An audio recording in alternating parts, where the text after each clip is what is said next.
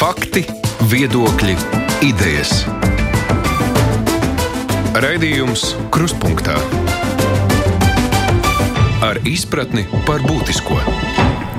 Studijā Mārija Ansone. Stājoties amatā, katrs topošais saimnes deputāts sola būt uzticīgs Latvijai, aizstāvēt to kā neatkarīgu un demokrātisku valsti.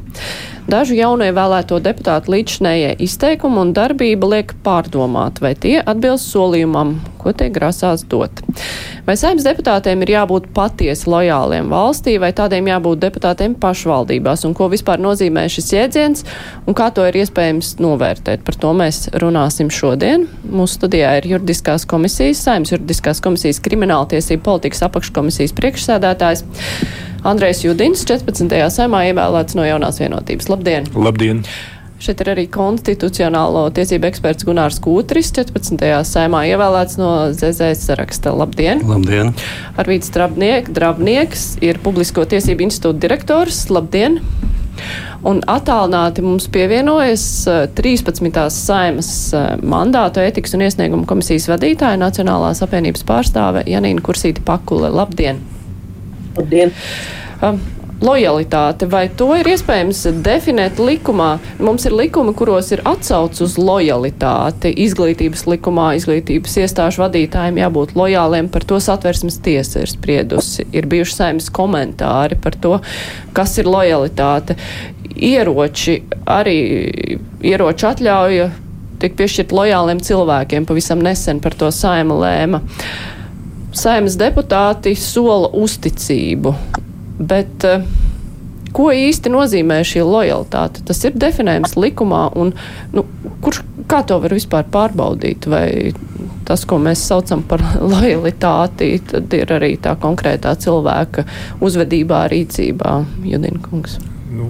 Būtībā mēs varam visu definēt, bet es domāju, ka runāt par lojalitāti tur nebūs viens teikums, bet vairāki. Bet ir jāsaprot, ka lojalitāte ir prezumēta. Faktiski tad, uh, mēs gribam rēģēt gadījumā, ja uzvedība nelojāla. Tad pareizāk būtu faktiski meklēt uh, definīcijām tam. Tiem gadījumiem, kad lojalitātes nav. Bet skaidrs, ka lojalitāte tā ir attieksme, uh, izturēšanās ar cieņu, godprātīga un uh, Es sapratu, ka arī mūsu valstī bija vismaz tādi politiskie spēki, kuri skaidroja, ka viņiem ir ļoti dārga, tieši svarīga Latvija, kā teiksim, zeme, kur ir uh, upes, teiksim, daba un tā tālāk. Bet nu, ne par to ir stāsts. Mēs runājam par valsti un par cilvēku kopu. Un, Ja cilvēks strādā saimā, ja viņš ir deputāts, tad viņš apņēmas ievērot satversmi, uh, un strādāt sabiedrības labā. Tad nelojāls ir tas, kurš eh, atklāti, varbūt slepeni veids darbības, kas eh, ir pretēji tautas interesēm. Problēma vien ir kur? Katrs var pats definēt, kas ir svarīgi, kas ir pareizi, kas ir nepareizi. Jā, un tad, un, eh, tāpēc mēs, protams, nu, neuzskatām, ka nelojāls ir tāds, kurš piedāvā grozīt satversmi. Ja? Tad, ja viņš pamato un skaidro, ka jā, būtu labāk risināt kaut ko citādāk, eh, tiesiska ceļa, tad eh, arī viss ir kārtībā. Bet tāds cilvēks, kas vārdos vai darbos noliedz mūsu neatkarību, neuzskata Latviju par suverēnu valsti, neuzskata, ka vara pieder tautai, neuzskata, ka mums vajadzētu būt demokrātiskai valstī. Tas, kurš piedāvā kaut ko nodot citai valstī, jā, nu viņš nav lojāls. Bet jautājums, kā to izmērīt? Un, manuprāt, risinājums mums ir. Par kaitīgām darbībām ir paredzēta krimināla atbildība, Un, ja mēs redzam, ka kāds no nu, deputātiem izdarīja darbību, kas ir paredzēta krimināla likuma, nu, piemēram, valsts nodevība, jā, vai, piemēram, par eh, saņemot kukuli, viņš eh, pieņem lēmumu, kas ir pretēji valsts interesēm, jā, tad, nu, vai vienkārši rīkojas, tad ignorējot valsts intereses, jā, tad šajos gadījumos mēs saucam cilvēku pie krimināla atbildības, kas viņam arī nozīmē mandāta zaudēšanu. Bet vienīgi ir problēma, ka mūsu tiesvedība, diemžēl, prasa laiku. Un var sanākt tā, ka ievēlētais deputāts nostrādās visus četrus gadus, pirms viņš zaudēs iespēju turpināt savu darbu. Bet nu, tā ir. Kūtrkungs, kā jūs uzskatāt, cik skaidri ir iespējams un precīzi definēt šo lojalitātes jēdzienu?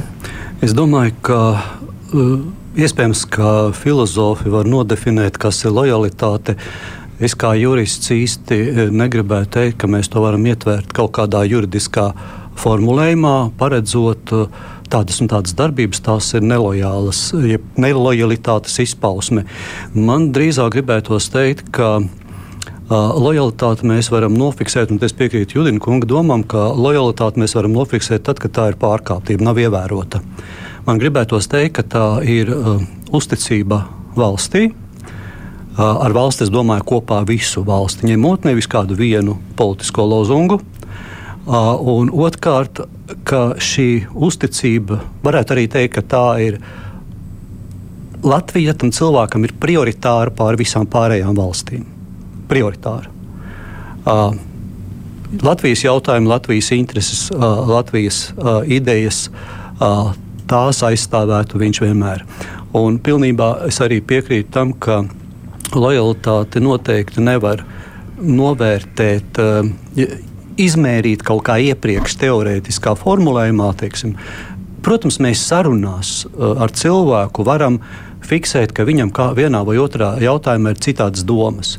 Bet man liekas, ka lojalitāti tas, kurš ir gatavs uh, aiz meliem, ar meliem strādāt, viņš ir gatavs vārdos apliecināt savu lojalitāti un parakstīties arī zem zvērsta. Bet kā būs praktiskajā situācijā, tajā brīdī, kad būs jāizšķirās, par ko viņš stāv, tad var būt dažādi. Mēs cilvēku nevaram prognozēt.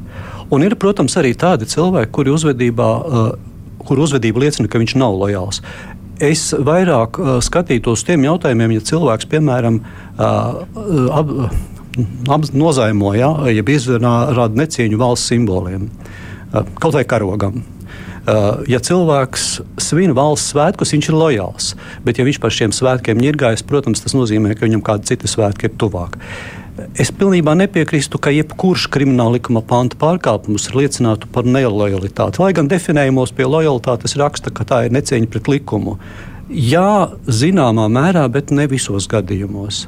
Kaut vai, piemēram, ja cilvēks izdara noziegumu ar automašīnu, nu, tad neizpaužas viņa necieņa, jeb neusticība valstī. Viņš varbūt pirmais būs ierakumos, kas aizstāvēs Latvijas valsts uz robežas, bet nu, ir paslīdējuši kāja. Cilvēki ir dažādi. Ir mazliet tādi palaidīgāki, mazliet pieklājīgāki. Tāpēc es teiktu, ka varbūt ka nevajag definēt, drīzāk vajag skatīties, kurš cilvēks to ir nelojāls, un tad lemt, vai šajā amatā viņš var būt vienīgais, kur ir riska moments.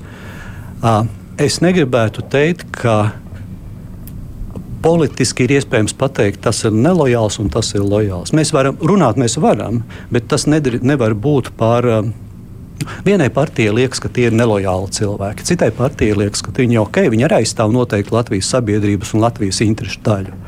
Tāpēc, ja vajadzētu kaut kādu juridisko mērauklu, tad tas ir vairāku pārkāpumu kopums, jeb varbūt arī viens rupšs pārkāpums, kura rezultātā ir kaut kāds mehānisms, kurš saka, ka šī ir acīm redzama necieņa pret valsti, neusticība valstī. Draudniekungs, piekrītat, ka iespējams ir tikai fiksēt nelojalitāti, bet tad kurš to var izdarīt? un pateikt, šis ir um, tas nelojalitātes gadījums? Man liekas, ka šāds diskurss ir ļoti slidens. Un uh, lojalitātei, tāpat kā mīlestībai, nav mērvienības. Mēs par to varam spriest tikai pēc ārējām pazīmēm, kā abi deputāti to pieminēja jau. Un tad jautājums ir, uh, cik lielā mērā tas liecina par viņa lojalitāte, uzticība, lietosim šo vārdu latviešu, vai, vai kā tas izskanēja, klājumu ņirgāšanos. Ja. Bet um, ir viena lieta, ka pēc, kad ir ļoti bīstami demokrātiskā sabiedrībā vērtēt otra lojalitāti. Eh, katram cilvēkam ir sava piedarības sajūta, jo viņi ievēlēti Latvijas parlamentā. Mēs par deputātiem runājam, tad viņiem ir eh, piedarības sajūta Latvijas valstī, bet varbūt ļoti dažāds skatījums. Un ne visi māca uh, precīzi formulēt savu domu, līdz ar to var būt dažādi pārprotami uh, izteikumi, uh, ko cilvēks varbūt tādā veidā nemaz nav domājis, kā tas pēc tam tiek uh, teiksim, uh, visiem plaši, plaši zināms. Tā kā es teiktu, ka mērīt otra lojalitāti demokrātiskā sabiedrībā ir ļoti bīstami. Un visprecīzāk to ataino um, šī gada uh, populārākās teātris uh, izrādes uh, tēls Žižeks, uh, kur ir šī anekdote, ebreju anekdote par Aušvicu. Uh, un uh, beigās ir piebilde, ka viņš jau tur nav bijis, viņš to nevar vērtēt. Restīvi ir ļoti grūti vērtēt otra uh, cilvēka iekšējo pasauli, ja tu neesi piedzīvojis ja neesi piedzīvojis kaut ko ļoti līdzīgu. Kursīts kundze, es pieļauju, ka jūsu komisijā šie lojalitātes jautājumi arī būtu izskatāmi, bet uh, vai jūsu skatījumā tas viss neatduras pret to, nu, ka šie jautājumi ir arī ārkārtīgi grūti izvērtējami? Ja kāds sad, sadedzina Latvijas karogu vai klaiņi ņirgājās par kaut ko, kas saistās ar Latvijas valstiskumu, nu, to droši vien ir viegli pierādīt, bet eh, tie gadījumi, kad tiek apšaubīta kāda cilvēka lojalitāte, jau parasti nav tik klaji, bet, eh, nu, mazliet grūtāk vai krietni grūtāk pierādāmi. Kā jums šķiet, vai nu, šādā situācijā arī jautājums par deputātu lojalitāti nav nu, tāds ļoti teorētisks jautājums, kur patiesībā mēs neko arī nevaram izdarīt? Um, pirmkārt, lojalitāte, eh, la, jēdziens, lojalitāte laika gaitā ir mainījies. Uh, Ja mēs skatāmies paša vārda izcelsmi, jā, tas ir ienācis no franču valodas, bet franči aizgūš no latīņu legālis, kas nozīmē likumisks, un jau Kūtra kungs par šo iesāk runāt, ka lojalitāte saistīta ar likumu un likumisku apziņu, kā uzvedības paradigma. Un tā ietilpst, manuprāt, katras valsts likumdošanā. Bet ir skaidrs, ka tas, ko Kants, savulaik Imants Kants, e, definēja, ka e, cilvēkus vieno prāta spējas, respektīvi racio un izstrādātie morāls likumi, uz kuriem tad e, balstās arī, arī lojalitātes jēdziens 20. gadsimtā, ļoti da, īpaši pēc otrā pasaules kara, daudz kas sašķobījās. Nu, piemēram, amerikāņu politologs, viņš arī filozofs Maikls eh, Sendels, ja es pareizi atceros uzvārdu, uzskata, ka lojalitāte rodas vai tā ir jārodas no mūsu pienākuma eh, attiecībā pret tiem, kas mums kaut ko devuši vai ģimenē, vai sabiedrībā, valsts līmenī. Eh, tas no vienas puses it kā ierobežo mūsu izvēles brīvību, jeb tiesības būt lojāliem ne tikai pret savu, bet arī pret citu valsti. Bet demokrātiskā sabiedrībā no otras puses ir iespējams pārceļot un iegūt citu lojalitāti pret citu valsti. Bet arī tur tas būs pienākums. Tāda lojalitāte saistība ar, no, saistīta ar noteiktu pienākumu. Uh, savukārt Judina kungs teica, un manuprāt, nu, kā jurists pilnīgi pareizi, ka nav, uh, bieži nav problēma uh, saskatīt, ir vai nav lojāls īpaši attiecībā uz likuma ievērošanu, bet tiesvedība iet ilgi, lēnām, un, ja attiec uz saimas deputātiem, var paiet viss termiņš, un e, vēl nebūs spriedums. Bet te ir atšķirība miera vai nemiera laiki. Jūs varbūt ievērojat, nesaka kara laiki, miera vai nemiera laiki. Nemiera laikos lietām jānotiek ātrāk jo te ir runa lojalitātei pirmām kārtām nemiera laikos, man vismaz tā liekas, par valsts drošību attiecībā uz valsts drošību.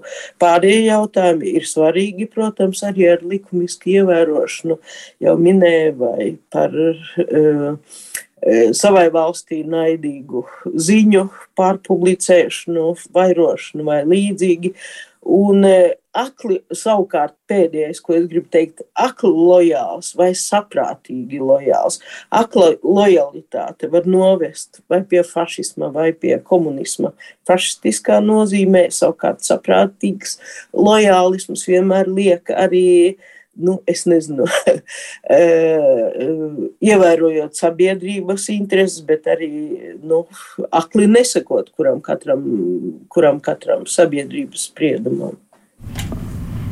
Jā, es gribu uzsvērt, ka mūsu atbildības likumos, ne krimināla likuma vai administratīva atbildība paredzošos likumus, nav vārda lojāls. Tas nenozīmē, ka par lojalitāti nevajadzētu runāt. Ir vajadzīgi runāt par to, bet ir jāsaprot, ka nevajadzētu sasaistīt lojalitāti, vai precīzāk teikt, lojalitātes neesamību ar zināmam juridiskam sekam. Tad, tad konstrukcija ir jābūt citai. Mēs eh, varam runāt, ko nozīmē nelojāls kā var izpausties lojalitātes trūkums un tad definēt pārkāpumu sastāvus. Mums, piemēram, ir viens deputāts. Uh, uh, nu, šajā sasaukumā bija, ja, tad, uh, kurš apsūdzēts spiegošana, spiegošana, informācijas nodošana citai valstī. Vai kādam ir šaubas, ka tā ir nelojāla rīcība? Visi saprot. Ja kāds deputāts sāks apšaubīt uh, Latvijas teritoriālo vienotību, vai tā ir lojāla rīcība? Droši vien arī nē. Un tā tālāk. Ir atsevišķi pārkāpumi, ir atsevišķi gadījumi, atsevišķas izpausmes, kuras mēs varam uh, diskutējot, apzīmēt kā nelojālu uzvedību. Bet atbildības likumos mums ir jālieto cita terminoloģija. Tur skaidrāk jāapraksta. Jo skaidrs, ka ja kāds eh, zaimo valsts simbolu, nu, tā ir cilvēka pozīcija, tā ir attieksme. Un faktiski skaidrs, ka runa nav par auduma gabalu. Fakt, viņš sūta zināmu tādu mēsīju visai sabiedrībai. Tāda ir mana attieksme. Tā es nerespektēju jūsu valsti. Tā nav lojāla rīcība. Bet mēs neliekam pantā vārdu nelojāls. Mēs rakstām valsts simbolu zaimošanu. Es domāju, ka šis ceļš ir pareizs. Vienīgais, kur varbūt eh, nu, tāds asums pastāv, ja tad vairākiem cilvēkiem nav šaubu par to, ka daži citi ir nelojāli. Un viņi grib, lai viņi būtu saukti pie atbildības par to, ka viņi nav lojāli. Viņus var saukt pie atbildības, ja ir pārkāpumi. Un ļoti svarīgi, lai policija rēģētu, lai prokuratūra pildītu savu darbu, un tad uh, nelojālie cilvēki tiek saukti pie atbildības.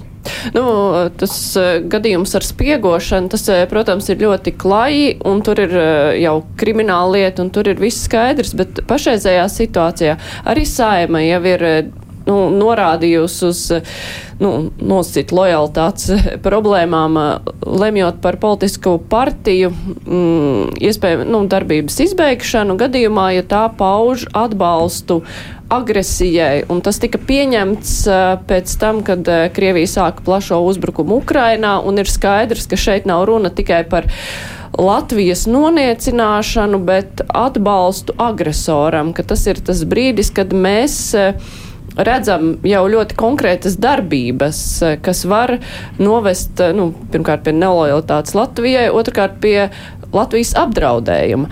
Bet pēc tam, kad tika pieņemti šie grozījumi likumā, partiju pārstāvi sāka nu, uzmanīgāk, būt uzmanīgāk savos izteikumos, un pagaidām mēs nezinām nevienu gadījumu, ka kādas partijas darbība būtu ierosināts izbeigt saistībā ar agresijas atbalstīšanu. Bet ir partijas, kuras arī nav atzinušas, ka agresors šajā karā ir Krievija. Un jautājums ir, cik tas ir bīstami, jo viena lieta ir eh, atbalstīt agresoru, otra lieta ir neatzīt, kurš ir agresors. Vai to var saistīt ar lojalitāti vai nelojalitāti Latvijai? Tas ir ļoti slidens jautājums. Viena lieta, ka tas, ko mēs, protams, katrs nosodām šo, šo uzbrukumu un šo vardarbīgu agresiju kopā ar aneksiju, tas ir viena lieta. Bet uh, es ļoti uzmanītos ar cita cilvēka vai arī partijas vērtēšanu. Ja pieņemsim, ka Ungārijā vadošā partija uh, Pieņemsim, ka viņi nenosoda tik daudz to agresoru, vai pat uzskata, ka varētu sadarboties. Vai mēs teiksim, ka tā ir Ungārijas valstī nelojāla partija un šie deputāti? Proti, noteiktai partijai var būt savs skatījums uz valsts, kā tiešām valsts patiešām pastāvēšanu, kvalitatīvu attīstību un visu. Uh, varbūt cilvēkiem nav pietiekama visa informācija, varbūt tur nāk vēl kādas politiskās aizkolas, tā ir cita lieta. Tāpēc es teiktu, ka tā uh, ir ļoti uzmanīga ar to vērtēšanu, kurā brīdī. Uh, jo cilvēks bieži vien var pateikt arī ka mēs aizstāvam to, lai mūsu Latvijas iedzīvotāju daļai būtu labas attiecības ar Krieviju, jo tā ir viņu etniskā dzimtene, tur ir viņu vecvecāki, viņu vecāku kapavietas vai kaut kas tamlīdzīgs. Vai ir slikts, tas ir slikts formulējums, un mēs pārmetam šiem cilvēkiem kaut ko, ka viņiem ir šīs saiknes? Uh, nebūtu nē. Un tāpēc viņi varbūt neuzdrošinās skaļi vārdos nosodīt šo valsti. Uh, Jo viņiem tur ir, jā, ir viņiem arī tās attieci, attieksme pret šo valsti bijušas. Tāpēc, eh, tāpēc ļoti, tas ir slidens temats, lai varētu tā uzreiz ar vienu roku pateikt, ka tas ir. Vēl jau vairāk mani biedē tas, ja, ja kādas partijas lojalitāti vērtēs cita partija.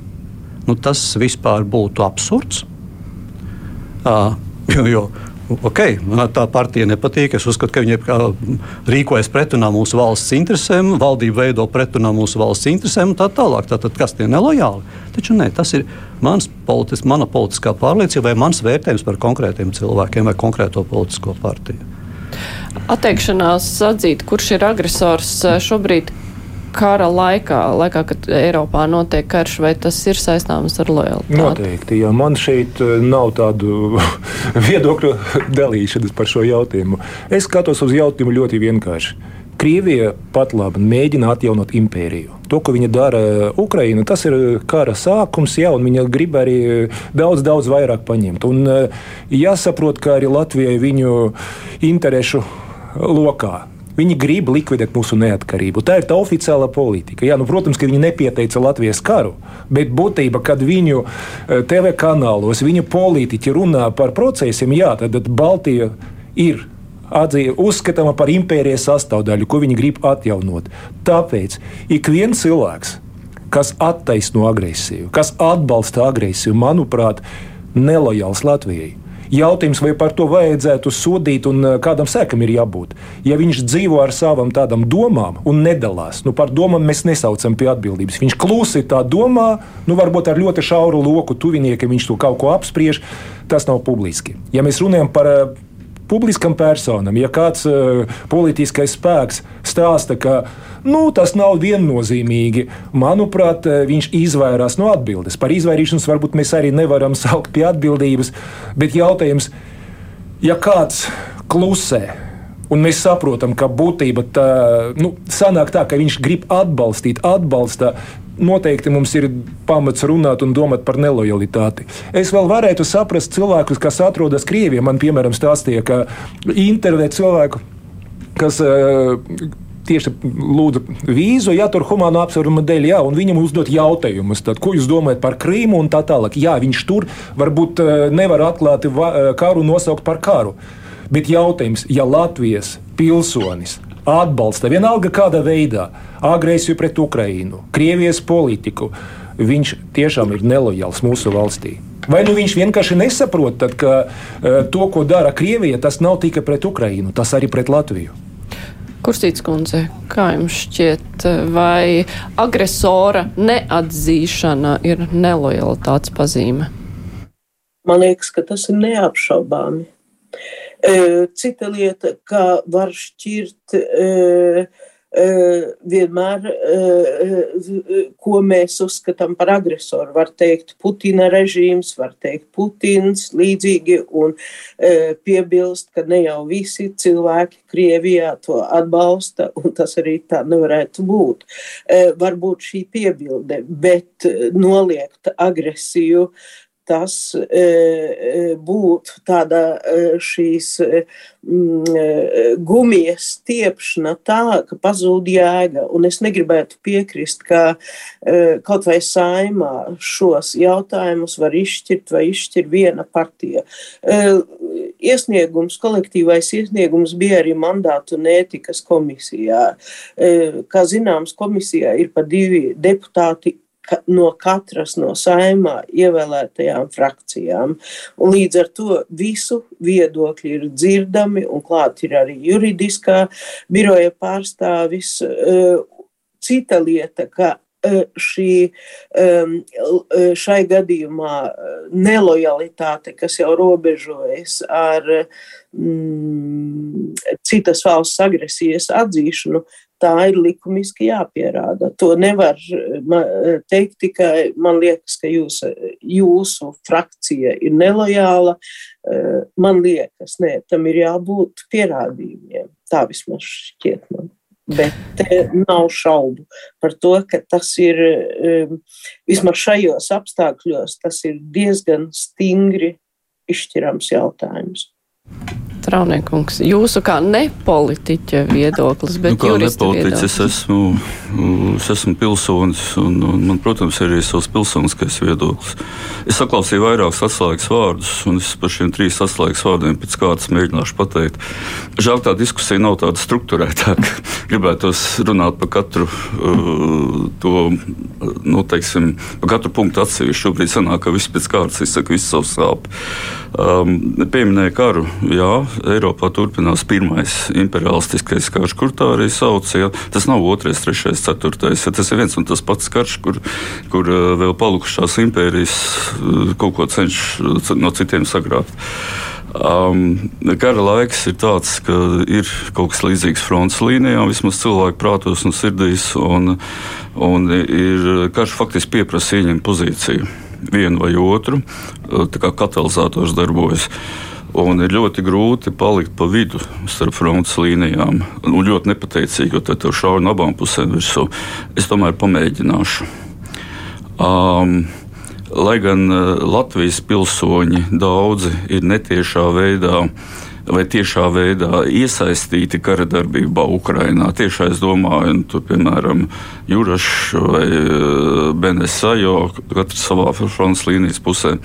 Bet, uh, Eh, nu, pagaidām vismaz Latvijā Latvijas pilsoņi savā starpā nekaro, un mums būtu jādara viss, lai, eh, lai arī nekarotu savā starpā. Ja? Tas nozīmē, ka uh, visi tie, kas kādreiz izrādījuši lojalitāti Latvijas republikai un naturalizējušies kā pilsoņi, tie ir mūsējie. Uh, Cita lieta, ka pieredze dažāda, kritiskā domāšana izglītības iestādēs iegūt dažādu kultūras telpas, informācijas telpas, ir dažāds secinājums no tā visa, ka šos cilvēkus vajag izglītot, audzināt, jo tie ir mūsu pilsoņi nevis atgrūst kaut kādā veidā. Un tad man uh, doma aizķērās aiz kursītas kundzes pieminētā saprātīguma, kas tur izskanēja pašā sākumā. Uh, un uh, manā uztverē, kas vieno visus deputātus no jebkuras frakcijas, tas ir saprātīgums. Nevis cenšanās sagraut sabiedrību. Es runāju par sabiedrību, nevis par valsti valsts nevar mīlēt, bet uh, mēs runājam par to, ka vajag uzturēt demokrātisku sabiedrību. Tas nozīmē sarunāšanos, tas nozīmē izglītošanu. Un no kurienes tas nāk? Tas nāk no Latvijas Rādio pirmās studijas, uh, no jums Māra un Aida. Uh, tas nāk no Saimnes tribīnas, no, no, no Janīnas un Andreja, arī no Gunāra nākotnē. Es vienkārši saucu jūs visus vārdos, un tas tā īrastāk ir. Bet, um, Uh, Tādēļ šim saprātam ir jābūt uh, ikvienā runā no tribīnas, uh, un uh, tam vajadzētu izpausties arī uh, pašā valodā, jo valoda ir žurnālistu un, un deputātu skolotāja instruments, tai valodai jābūt skolotai. Un mani mulsina tas, ka mēs virzam uz to, ka jābūt pareizai valodai, pareizai domai. Pareizās domas pieprasīja eh, komunisti, pareizās domas eh, pieprasīja nacisti. Um, būtu dīvaini, ja mēs demokrātiskā sabiedrībā uh, pieprasītu, lai visi pareizi domā vai vismaz demonstrē šo pareizo domāšanu. Ja? Uh, vienkārši cilvēks, kurš pagaidām līdz kaut kam vēl nav nonācis, viņam ir jāpalīdz un palīdzēt var uh, izglītības iestādes, un palīdzēt var arī tas, ko mēs sauktu par tālāku izglītību, jo mūža izglītība šīs sistēmas izvēršana. Bet es tad uh, mazliet iejaukšos uzreiz.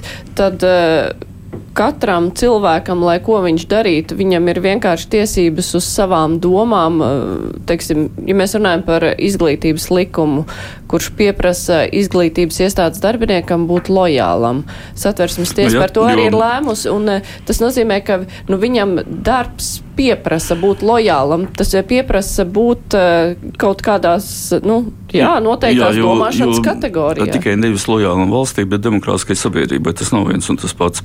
Uh, un, uh, jo jebkura izglītības iestāde ir tā tāda siltumnīca, kur audzē personībiņas. Un, ja pa dārznieku ieceļ āžus, tad viņi sakropļos, var sakropļot šīs personības. Ja, ir jābūt cilvēkiem, kuriem ir uh, svarīga demokrātiska sabiedrība, cieņa pret citiem cilvēkiem, uh, tikai tādi var nodarboties ar šo jauno personību audzēšanu. Es ļoti augsti vērtēju viedokļu dažādību, un es domāju, ka ir ļoti labi, ka mums ir nu, ļoti bieži, visbieži, parasti arī ir tādi dažādi viedokļi par vieniem tiem pašiem jautājumiem, bet ir pamats. Par kuru, diemžēl, varbūt, manuprāt, nevis diemžēl, bet ļoti labi, ka mums nevajadzētu būt nekādam domstarpībam. Nevajadzētu būt. Ja Latvija ir neatkarība valsts, tā ir tēze. Es sapratu, kāds var teikt, ka, nu, bet es gribu paskatīties citādāk. Manuprāt, ja cilvēks redz saredz Latviju kā impērijas sastāvdaļu, viņš ir nelojāls. Un šeit eh, runāt par to, ka tā ir vienkārši nu, tāda brīvdomība, ka tas ir nekas, manuprāt, tas nav pieļaujams. Un it īpaši, ja mēs runājam par deputātiem, tauta viņus ievēlē. Protams, ka arī šeit var skaidrot, ka Varbūt viņš pārstāv to daļu no mūsu tautas, kas gribētu nu, tādas radikālas pārmaiņas, bet tas ir ceļš uz Latvijas republikas likvidāciju. Un nekāda tolerance, nu, man, nu, manuprāt, nevar būt. Tas nav pieļaujams. Un, eh, ja cilvēks pauž tādas domas, par to ir jābūt krimināla atbildībai. Nerunājot par to, ka viņam nav jāstrādā saima, tas ir pats par sevi skaidrs. Tad, tad ir pamats, kuru nevajadzētu apšaubīt. Tā man šķiet. Kūderkungs piekrītat? Uh, jā, padomju laikā varēja sūdīt, ja kāds teica, ka jāizstājas no padomju savienības. Tāpēc es teiktu, ka domu paušana uh, jeb uzskatu dažādība demokrātiskā sabiedrībā var būt. Cits jautājums, vai šī doma paušana ved arī uz rīcību. Ja tā tiek organizēta jau kā rīcība, kā pasākums, ok, tad jā. Tad es saprotu, ka tas ir jānovērš, jo valsts tomēr aizsargā arī sevi. Sabiedrībai pienākums to sevi aizsargāt.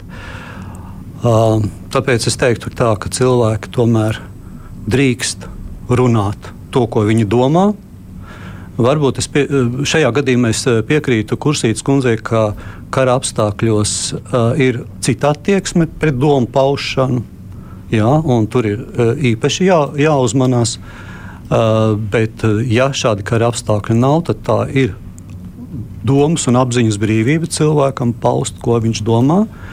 Uh, Jā, jo viņš, viņš nepārstāv tikai arī, ne, arī individuāls. Indivīds var pārstāvēt sevi ar savu viedokli, iet ar lozungu uz, uz priekšu, no, no barikādām teikt, es, es gribu to un to, es gribu pievienoties Vācijai. Jā. Nu, arī noziegums, jā, ja gribam pievienoties Vācijai vai Amerikai. Tāpēc, kāpēc viņš nevar nedrīkst tā domāt? Ja viņš organizē domu biedru grupu, kas, kas veido šo, šo pievienošanās procesu, un tādā veidā cīnās pret valstisko neatkarību. Tā ir cita lieta. Jau. Nu, mūsdienās eh, dombiedru grupas veidošana nenotiek sapulcē, bet ieraksts sociālajā tīklā un vāc sev atbalstītājs. atbalstītājs. Bet vai arī patīk, nepatīk pauda viedokli? Bet es neredzu problēmu. Mēs šodien diskutējam par šo jautājumu, un nu, es domāju, ka nevienam nenāk prāta, ka šeit vajadzētu būt kaut kādam represijām. Runāt par tādām lietām var. Bet, ja cilvēks pauž attieksmi, ja ir aicinājums rīkoties, lai sasniegtu, ja viņš attaisno eh, kādu citu rīcību, jā, ļoti labi, teiksim, tad likvidēsim neatkarību. Piedodiet, nu negaidīsim to brīdi, kad viņš ņems ieročus rokās. Rēģēsim uz viņu konkrētu rīcību, uz aicinājumiem, uz eh, mēģinājumus atrast domu biedrus, viņus apvienot rēģēsim uz tādu grāmatu sacerējumu publiskošanu. Nu, nevajadzētu gaidīt kaut ko vēl nopietnāku, kaut kādus uh, citus soļus. Bet taisnība, ja viņš tikai domā un akadēmiskā vide apspriež, kas būtu, ja būtu, ja, tad uh, šeit varbūt nevajadzētu uzreiz piesaukt kriminālu likumu. Bet, uh, Vārda brīvība ir vērtība, tā ir paredzēta mūsu satversmē. Bet tur uzreiz arī atrunā, ka vārda brīvība var būt ierobežota. Un mūsu krimināla likumā ir vairāki panti, kas ierobežo vārda brīvību. Un runājot par eh, teiksim, tādām lietām, kā valsts neatkarība. Nu, citas uh, normas, kas ie, iestrādātas satversmē, es nedomāju, ka mums vajadzētu taisīt kaut, kādas, kaut kādus konkursus, kurš labāk noargumentēs, kā atcelt, kā tur visu, kā atteikties. Tad, tas ir pamats Un, ja mēs gribam iznīcināt pamatu, vai tā valsts būs, ja mūsu, vai, vai mūsu valsts būs stabila, spējīga attīstīties un saglabāt sevi un aizsargāt mūsu cilvēkus. Pamats ir Latvijas tauta. Protams. Un, un tauta ir uh, ļoti dažāda. Uh, Indivīdi paši kā tādi ir ļoti dažādi. Un uh, pie saprātīgas politikas un arī saprātīgas politiķa runas piederētu neveicināt pilsoņu karu Latvijas pilsoņu vidū.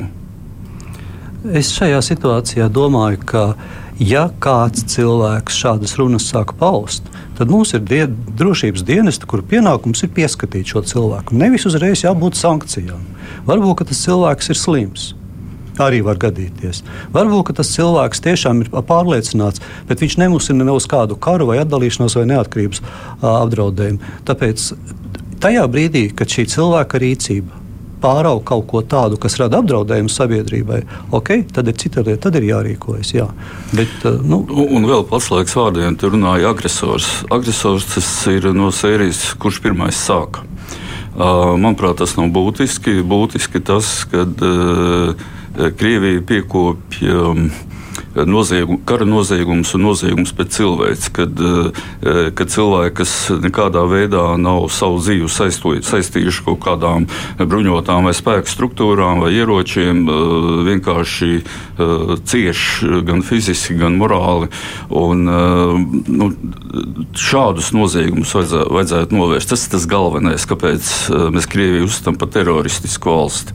Un tad, protams, pilnīgi dabiski tie, kas finansē terorismu, tad uh, tie nevar pārstāvēt, kaut, viņi nevar baudīt uzticību demokrātiskā sabiedrībā. Viņi nevar būt banku valdēs, viņi nevar būt uh, deputāti. Kursīts kundze. Es gribētu teikt, ka iecietībai, jebkurai iecietībai ir robežas. Un nemiera apstākļos tās robežas vienmēr kļūst stingrākas. Un es saprotu Draunieku kungu, kas saka, nu, mēģinam izglītot, mēģinam saprast, mēģinam ar, ar preventīviem pasākumiem novērst iespējamu apdraudējumu. Saprotiet, nemierā apstākļos tam nav laika kas nenozīmē aci pret aci, zobu pret zobu, bet te jau sākumā bija runa ne vispār par pilsoņu kopumu, bet par tautas ievēlētajiem priekšstāvjiem un iecietības robeža attiecībā pret deputātiem, attiecībā pret ministriem, attiecībā pret tiem, kas veido valsts politiku un kas nodrošina, iznāk tautoloģija, valsts drošību, tur ir jābūt pavisam nelielai šai iecietības robežai. Cita lieta, ko kāds pie ugunskura vai virtuvē runā vai domā, tas nav jāpanāk, pat ka visi domātu vienādi vai visiem būtu vienāds uzskats. Šeit ir agresija. Agresija ir nepārprotama pret Ukrainu un Latvijas valsts drošības, Eiropas drošības interesēs. Manuprāt, šai iecietības latiņai jābūt ļoti stingri novilktai un uzstādītai. Man divas mazas tikko, ko Kursītis minēja par to iecietību. Es iedomājos situāciju, ja konkrēti Latvijas iedzīvotāja daļa ir ievēlējusi konkrētus dažus deputātus, ja, kuriem ir izvirzījusi prasību Latvijai uzturēt draudzīgas attiecības ar Krieviju. Vai šie deputāti nav tiesīgi būt par deputātiem? Viņus iedzīvotāji vēlēja ar konkrētu programmu atbalstīja. Es nerunāju par Putinu, es nerunāju par agresiju, bet draudzīgas attiecības ar Krieviju. Vai tāpēc uzreiz šos cilvēkus mēs sakām, ka viņi ir nelojāli Latvijai vai ka viņi ir ienaidnieki Latvijai? Bet īstenībā es gribēju pašā sākumā kursītas kundze, kur ļoti labi parādīja šo uh, lojalitātes uh, jēdzienu saturu. Uh, tā doma bija tāda, ka lojālam jābūt pret ģimeni, pret darba vietu, pret dzimteni, kas ir devis kaut ko jau Un man liekas, ka lojalitātes definējumā ir apusējībai jābūt arī. Lojāls parasti ir cilvēks, kurš ir zināmā mērā pateicība parādā tam, eh, kādam citam, viņš uzticas šim citam. Tas arī tikpat lojāls ir pret šo savu. Valsts mērogā es teiktu tā, ka cilvēks ir lojāls savai valstī. Un valsts ir lojāla arī pret šo cilvēku. Neatstāj viņu pirmajā brīdī. Tas saskan ar to iecietības momentu, ka cilvēks var vienu brīdi būt dusmīgs uz savu māti, vai savu tēvu, vai, vai dzimteni, un pateikt varbūt asus vārdus, tāpēc ka viņam konkrētajā gadījumā valsts, es ne, ne, varbūt nevis kopumā, bet kāds ierēdnis viņam ir tā ierības, ka viņš tajā brīdī ir gatavs pateikt, es nemīlu Latvijas, braucu projām. Īstenībā tā nav viņa pārliecība. Varbūt, varbūt ka ir. Es nezinu. Tāpēc es teiktu, ka arī valsts, jo man liekas, ka Latvijas vēsturē ir bijuši tie posmi, kad tajā brīdī, kad cilvēks, kas nav Latvijas pilsonis, gribēja Latvijā un viņus tā bišķīgi pastūma nostāk. Viena daļa tas bija barikādēs, tad 90. gada otrā pusē gāja jautājums par pilsonības. Tie, kas nav pilsoņi, tika atstumti no valsts iestāžu darbiem. Un, un, un tagad man gribas iebilst, okay. kā tautsfrontietim. Uh, neviens neatstūma, bet ir cita lieta, ka šie cilvēki uh, pēkšņi nonāca vidē, par kuru viņi nekad agrāk nebija iedomājušies. Varbūt arī tā, ka viņi visu laiku ir dzīvojuši Latvijas republikā. Viņi, viņi to nespēja pieņemt. Un tad ir uh, daži brīži, kad, uh, kad šie uh, bijušie PSRS pilsoņi atverās. Viņi atveras acis. Šobrīd ir tāds brīdis, kad šo cilvēku vidū ir apjukums. Tāds brīdis bija pirms valodas referenduma, un tāds brīdis bija atmos gados. Un tautai un valstī ir pienākums tieši šajos brīžos īpaši rīkoties, lai šos cilvēkus apskaidrotu. Jo nav jēgas pie viņiem iet, kad viņi iekapsulējušies. Pie viņiem jāiet, kad viņi ir atvērti. Šobrīd viņi ir atvērti. Kursīts kundze? Um, gribēju nelielu repliku uz Kūtra kunga, visnotaļ godājumā Kūtra kunga teikto par to, ja kādi ir ievēlēti, lai veidot attiecības ar Krieviju.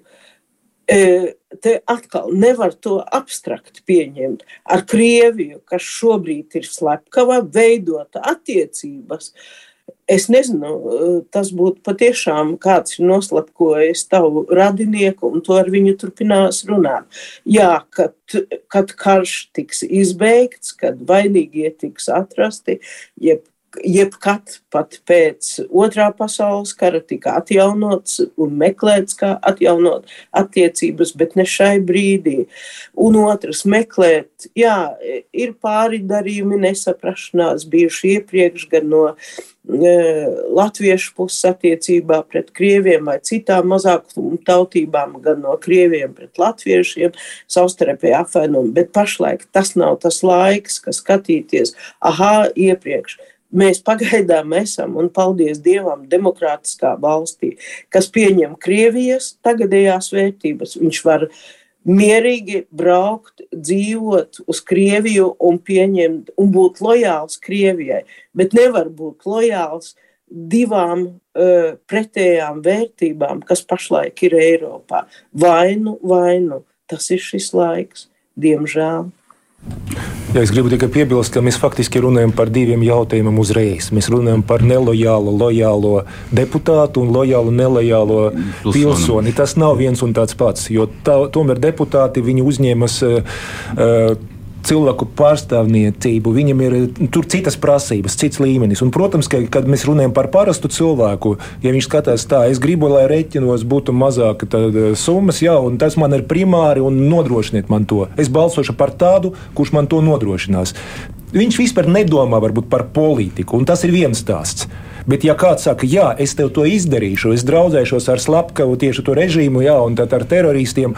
Uh, Tas ir cits līmenis, citas prasības. Un tāpēc es domāju, diskutējot, es arī pats šodien runēju, runēju gan par parasto cilvēku, gan eh, par deputātiem. Varbūt nevienmēr bija skaidrs, par kuru grupu es runāju. Tāpat arī kolēģi. Es domāju, ka mums vajadzētu nošķirt. Bet runājot uh, par politiku, nu, mēs nedrīkstam tad. Uh, ekonomisko iemeslu dēļ pārdot Latviju, atteikties no neatkarības un teikt, nu tas nekas. Tas nekas galvenais, lai būtu lētāk. Es redzu, tagad arī Eiropa ir tāda kustība. Cilvēki tur prasa, nu, dodiet mums zemākas cenas un būt, gribam un punkts. Jautājums, mēs esam atbildīgi par mūsu Latvijas republiku. Un tā ir demokrātiska valsts. Un par to vajadzētu stāvēt cīnīties. Un šeit ik viens, kurš ir pret, kurš apdraud, viņš ir mūsu ienaidnieks. Nu, šeit nav par ko runāt, manuprāt. Es gribēju vēl paspēt runāt par vienu citu aspektu. Šeit tika pieminēts, ka lojalitātes pazīme ir atbalstīt demokrātisko iekārtu Latvijā teiksim, ja kāds ir pret to, tad viņš nav lojāls.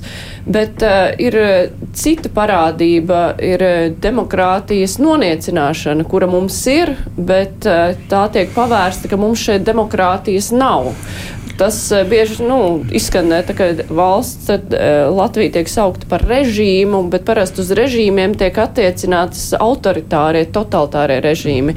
Bieži vien šādu epitetu vērš arī politiķi pret Latvijā pastāvošo iekārtu valdību, vai tas um, ir, es, es to, par to, to ir jāsatrauc? Es to sauktu par uh, pilsoniskās dvēseles kliedzienu pēc palīdzības.